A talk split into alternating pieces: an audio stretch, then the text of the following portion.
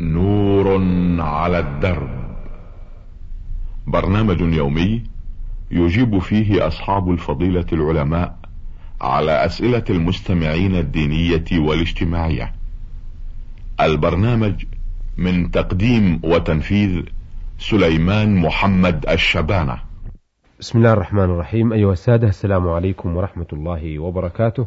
ومرحبا بكم في لقائنا هذا الذي نعرض فيه ما وردنا منكم من أسئلة واستفسارات على سماحة الشيخ عبد الله بن محمد بن حميد رئيس المجلس الأعلى للقضاء.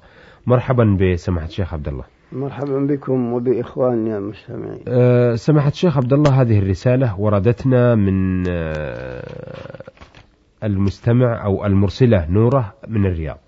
تقول سماحة الشيخ عبد الله بن محمد بن حميد حفظه الله ذخرا للإسلام والمسلمين ما حكم جمع الصور مع العلم أنني لا أصور ولا يصورني أحد؟ يا أخت نورة من الرياض تقولين ما حكم جمع الصور. مع الأسف أن الصور الآن استعملها الكثيرون وإذا كثر الإمساس قل الإحساس. وإلا فصور الحيوانات مما فيه روح لا يجوز كما هو مذهب الأئمة الأربعة مستدلين بالأحاديث الصحيحة مثل قوله صلى الله عليه وسلم كل مصور في النار يجعل له بكل صورة صورها نفس يعذب بها في جهنم وقول أشد الناس عذابا يوم القيامة الذين يضاهئون بخلق الله يقول البعض أن هذه الأحاديث هي خاصة في تصوير ما له جسم. وأما تصوير الليتوغرافي فهذا لا بأس به. وهذا خطأ. فإن النبي صلى الله عليه وسلم بعث عليا ألا يدع صورة إلا طمسها. وعلي بعث أبا الهياج. كما في صحيح مسلم. ألا تدع صورة إلا طمستها ولا قبرا مشرفا إلا سويته. فقوله إلا ألا تدع صورة إلا طمستها الطمس لا يكون إلا فيما لا ظل له وهي وهو التصوير الشمسي. أما التصوير الذي له جسم هذا ما يمكن طمسه لا بد من كسره الحاصل أن التصوير لا يجوز بكل حال وفي الحديث لا تدخل الملائكة بيتا فيه صورة. وذكر الإمام النووي في شرح مسلم أن المنع من التصوير هو قول الأئمة الأربعة وأشار إلى هذا ابن العربي المالكي وغيره فالتصوير لا يجوز إلا أن الناس استعملوا وكثر عندهم غير مبالين فما تجد مجلة ولا جريدة ولا تجد علبة إلا وفيها صورة. ولهذا إذا كثر الإمساس قل الإحساس وإلا فالتصوير ممنوع شرعا والله أعلم. أيضا تقول المستمعة في رسالتها ما حكم استعمال حبوب منع الحيض في رمضان؟ لأنني أود أن أصوم مع المسلمين وخاصة أنني قد فاتني أكثر من ثلاثة رمضانات يفوتني العشر الأواخر وهي أفضل رمضان. وفقكم الله. يا أخت نورة تقولين ما حكم استعمال الحبوب التي تمنع وجود الحيض وخاصة في رمضان؟ نقول لك لا بأس. إذا لم تحدث ضررا على الجسم فيجوز للمرأة تعاطي الدواء التي يحبس حيضها لغرض صحيح. لا بأس به بشرط ألا يلحقها في استعمال تلك الحبوب أي ضرر ما. فإذا استعملتها ولا فيها ضرر على جسمها فلا مانع منه. أشار إلى هذا جمع من الحنابلة ومنهم شيخ الإسلام ابن تيمية وغيره والله أعلم. المرسل علي حسين ماجد من العراق من ديالى يقول هل يجوز للرجل المسلم أن يتزوج بإبدال امرأة بأخته أو ابنته؟ آه وفقكم الله. يا أخ علي حسين ماجد من العراق تقول هل يجوز للرجل أن يتزوج امرأة بإبدال أخته أو بنته؟ يعني تزوج بنتك أو أختك على رجل على أن يزوجك بنته أو أخته وليس بينكما صداقة لا هذا باطل لا يجوز. هذا هو الشغار بعينه. فإن النبي صلى الله عليه وسلم نهى عن الشغار عن نكاح الشغار ونكاح الشغار هو أن يزوج الرجل ابنته على أن يزوجه الآخر ابنته أو أخته وليس بينهما صداق. فالنكاح باطل. إذا يكون البضع في مقابلة البضع. فهذا باطل. أما لو تزوجت بنت زيد مثلا ودفعت لها صداق مثلها كاملا ثم هو خطب بنتك أو أختك وتزوجها وقد دفع لها الصداق كاملا والنساء كل منها راضية فبنت زيد راضية بك وبنتك أو أختك راضية بزيد وقد استلمت صداقها كاملة فهذا لا بأس به. جائز. أما مقابلة البضع بالبضع أو جعل بينهما صداق قليل حيلة فهذا هو الشغار المنهي هذا هو الشغار المنهي عنه على لسان رسول الله صلى الله عليه وسلم والله أعلم. آه، أيضا يقول آه، بالنسبة لأكل طعام التعازي المسمى بالجاتو عند صاحب العزاء خاصة أن يكون المتوفى عند أيتام قاصرين أو ليس عنده أيتام. نرجو معرفة الحكم في ذلك. يا أخ علي حسين ماجد من العراق تقول طعام العزاء أي الذي يصنعه أهل الميت عند وفاة ميتهم ويدعون الناس إليه. هذا من البدع التي لا أصل لها. وربما أن الميت يكون له أطفال صغار فيؤخذ من ماله ويجعل ولائم للمعزين والقادمين لبيت الميت. هذا كله من الأمور البدعية التي لا أصل لها. إنما المسنون هو ما جاء في حديث قصة جعفر بن أبي طالب رضي الله عنه حينما قتل يوم موت قال النبي صلى الله عليه وسلم لأهله اصنعوا لآل جعفر طعاما فقد أتاهم ما يشغلهم. هذا لا بأس هو من السنة. كأن يموت أحد أصدقائك أو أحد جيرانك ثم أنت تصنع لهم طعاما تبعث به إليهم. هذا لا بأس لمدة ثلاثة أيام. أن تبعث يوما والآخر يوما والثالث يوما فهذا كافي. أما من أن أهل الميت أنفسهم هم الذين يصنعون الطعام من مال الميت أو من غيره ويدعون الناس لأكله ويسمى العزاء هذا من الأمور البدعية التي لا أصل لها في الشرع ويتعين النهي عنها والابتعاد منها والله أعلم.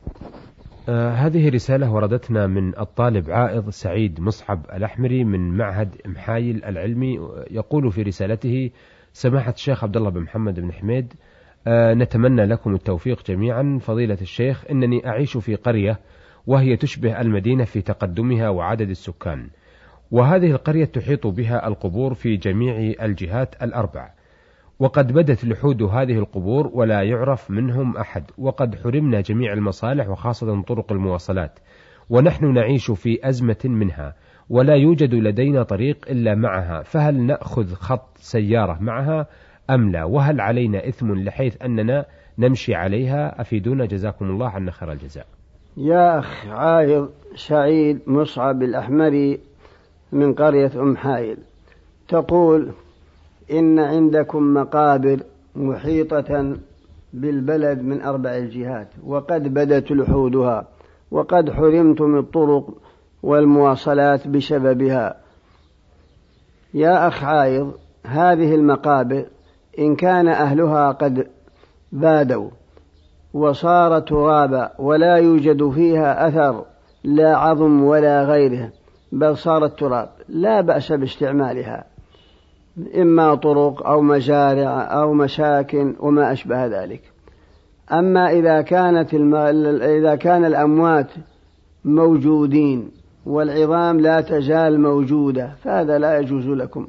هم سبقوكم إلى هذا المكان وحرمة الميت كحرمته حي. لا يجوز لكم أن تتعرضوا له بشيء.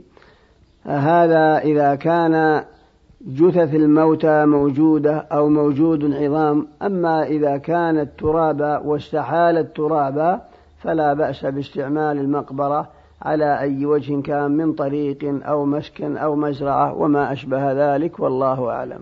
آه، أيضا يقول يوجد آه، في إحدى القرى عندنا مسجد صغير وأمامه مقبرة ويوجد أمام المحراب قبر ولا ندري. هل المقبرة الأولى التي تأسست أم المسجد؟ فهل صلاتنا صحيحة في هذا المسجد أم لا؟ أم يلزمنا نقل المسجد من مكان إلى مكان؟ يا أخ عايض سعيد مصعب الأحمري من قرية محايل تقول إن عندكم مسجدا صغيرا وأن أمامه قبر. إن كان في وسط المسجد لا تصح الصلاة. فإن كان خارج المسجد وبينكم وبينه جدار فهذا لا بأس به في قول بعض أهل العلم ما دام أن الجدار للمسجد وفاصل بينكم وبينه جدار المسجد. مع أن بعض العلماء يقول لو صلى خلف المقبرة وتكون المقبرة أمامه والجدار جدار المقبرة فاصل بين المصلي وبين المقبرة لا تصح لأن الجدار للمقبرة وتابع لها. وهذا الجدار يسمى جدار المقبرة.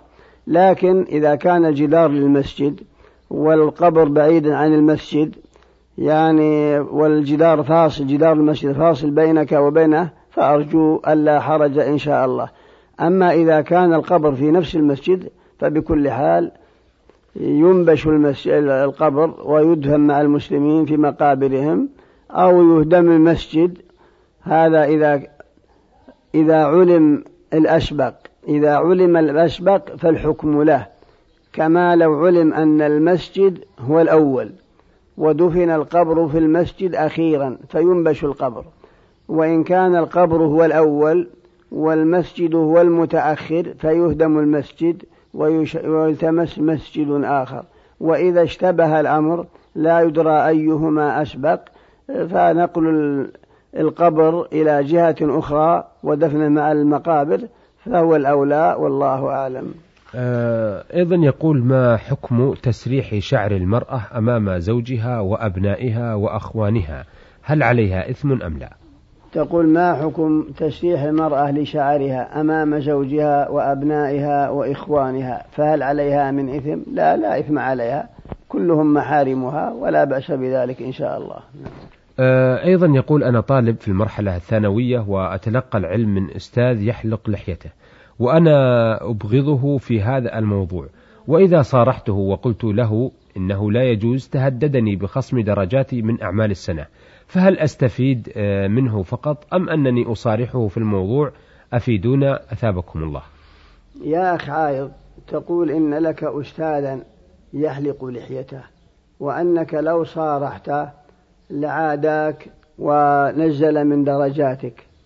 فينبغي أن تناصحه برفق ولين. إن اهتدى فبها وإذا لم يهتدي فهداية القلوب يد مقلبها. خذ من علمه ولا تنظر إلى عمله. والله أعلم.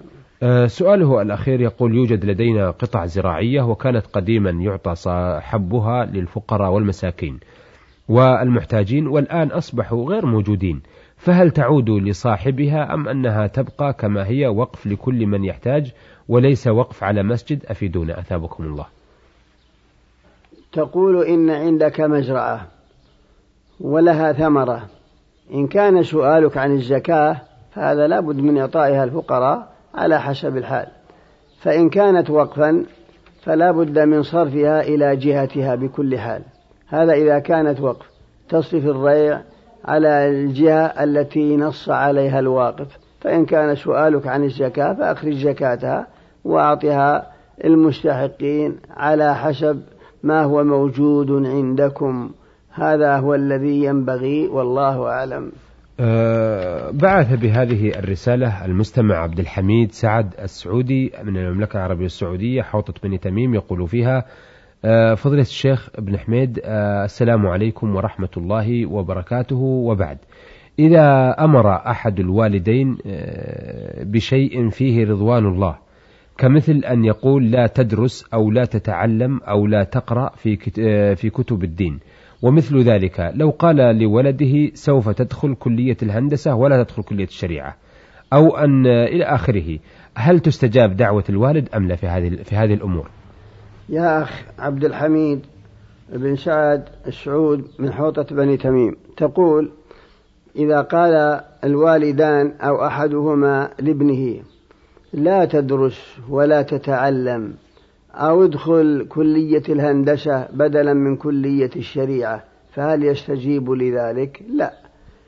ينبغي أن يتعلم ويدرس وينتفع بكل حال فإن هذا أصلح. قد يكون قد يكون الوالدان جهلة لا يعرفون مصالح الإنسان وعلى حسب بيئتهم ومعلوماتهم فلا يلتفت الولد إليهم بل عليه أن يدرس ويتعلم بما ينفعه في دينه ودنياه. وأما دخوله لكلية الهندسة فلا مانع إذا كان يميل إليها ويعرف أن دخوله أنفع له وميوله إلى وميوله وميوله نحوها لا لا بأس بذلك.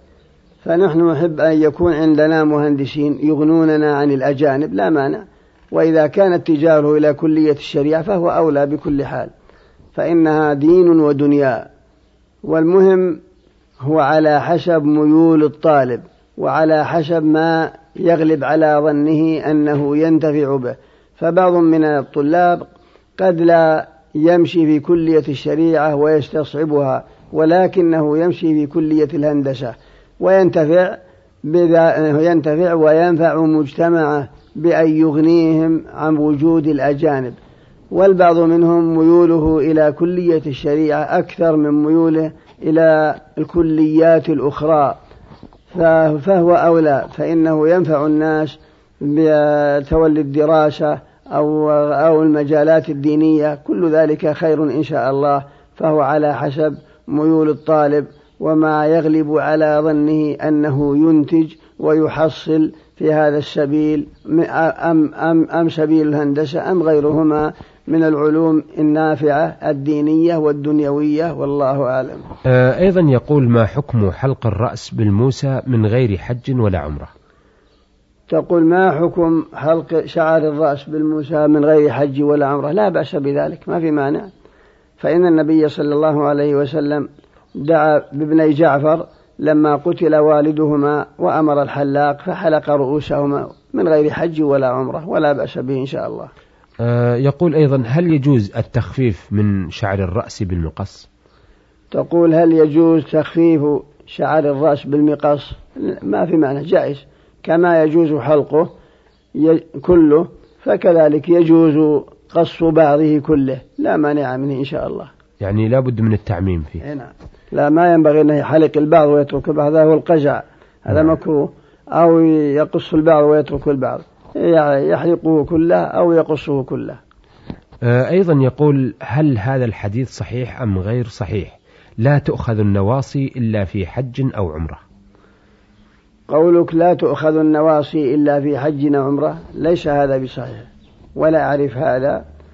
بل تؤخذ في حج وفي عمرة وغير الحج ولا وفي غير الحج وفي غير العمرة. والحج والعمرة يحلق رأسه كله أو يقصر جميع شعر رأسه كله. ولا يكتفي في الحج والعمرة بالنواصي.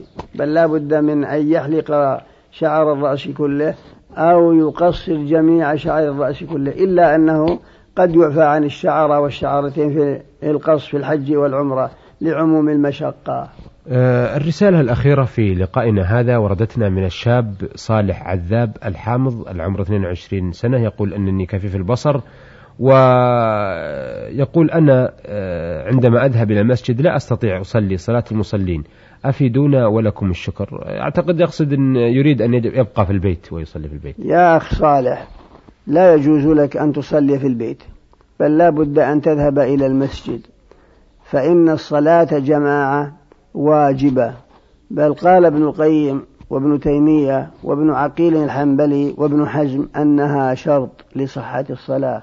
وأن صلاة المنفرد بلا عذر لا تصح عندهم بل لا بد أن يصلي جماعة. فقد قال ابن مسعود لو صليتم في بيوتكم كما يصلي هذا المتخلف في بيته لتركتم سنة نبيكم ولو تركتم سنة نبيكم لضللتم. وفي قصة الأعمى الذي استأذن النبي صلى الله عليه وسلم بأن يصلي في بيته قائلا إني آه، آه، قائلا إن بيني وبين المسجد هذا الوادي وفيه من الشجر والحجر أو كما قال وليس لي قائد يلائمني. فرخص له ثم لما ولى دعاه قال أتسمع النداء؟ قال نعم. قال فأجب. كل هذا يدل على أنه يجب على المسلم أن يصلي في المسجد ولا يصلي في بيته إلا من عذر شرعي كمرض ونحوه والله أعلم. أحسنتم أثابكم الله.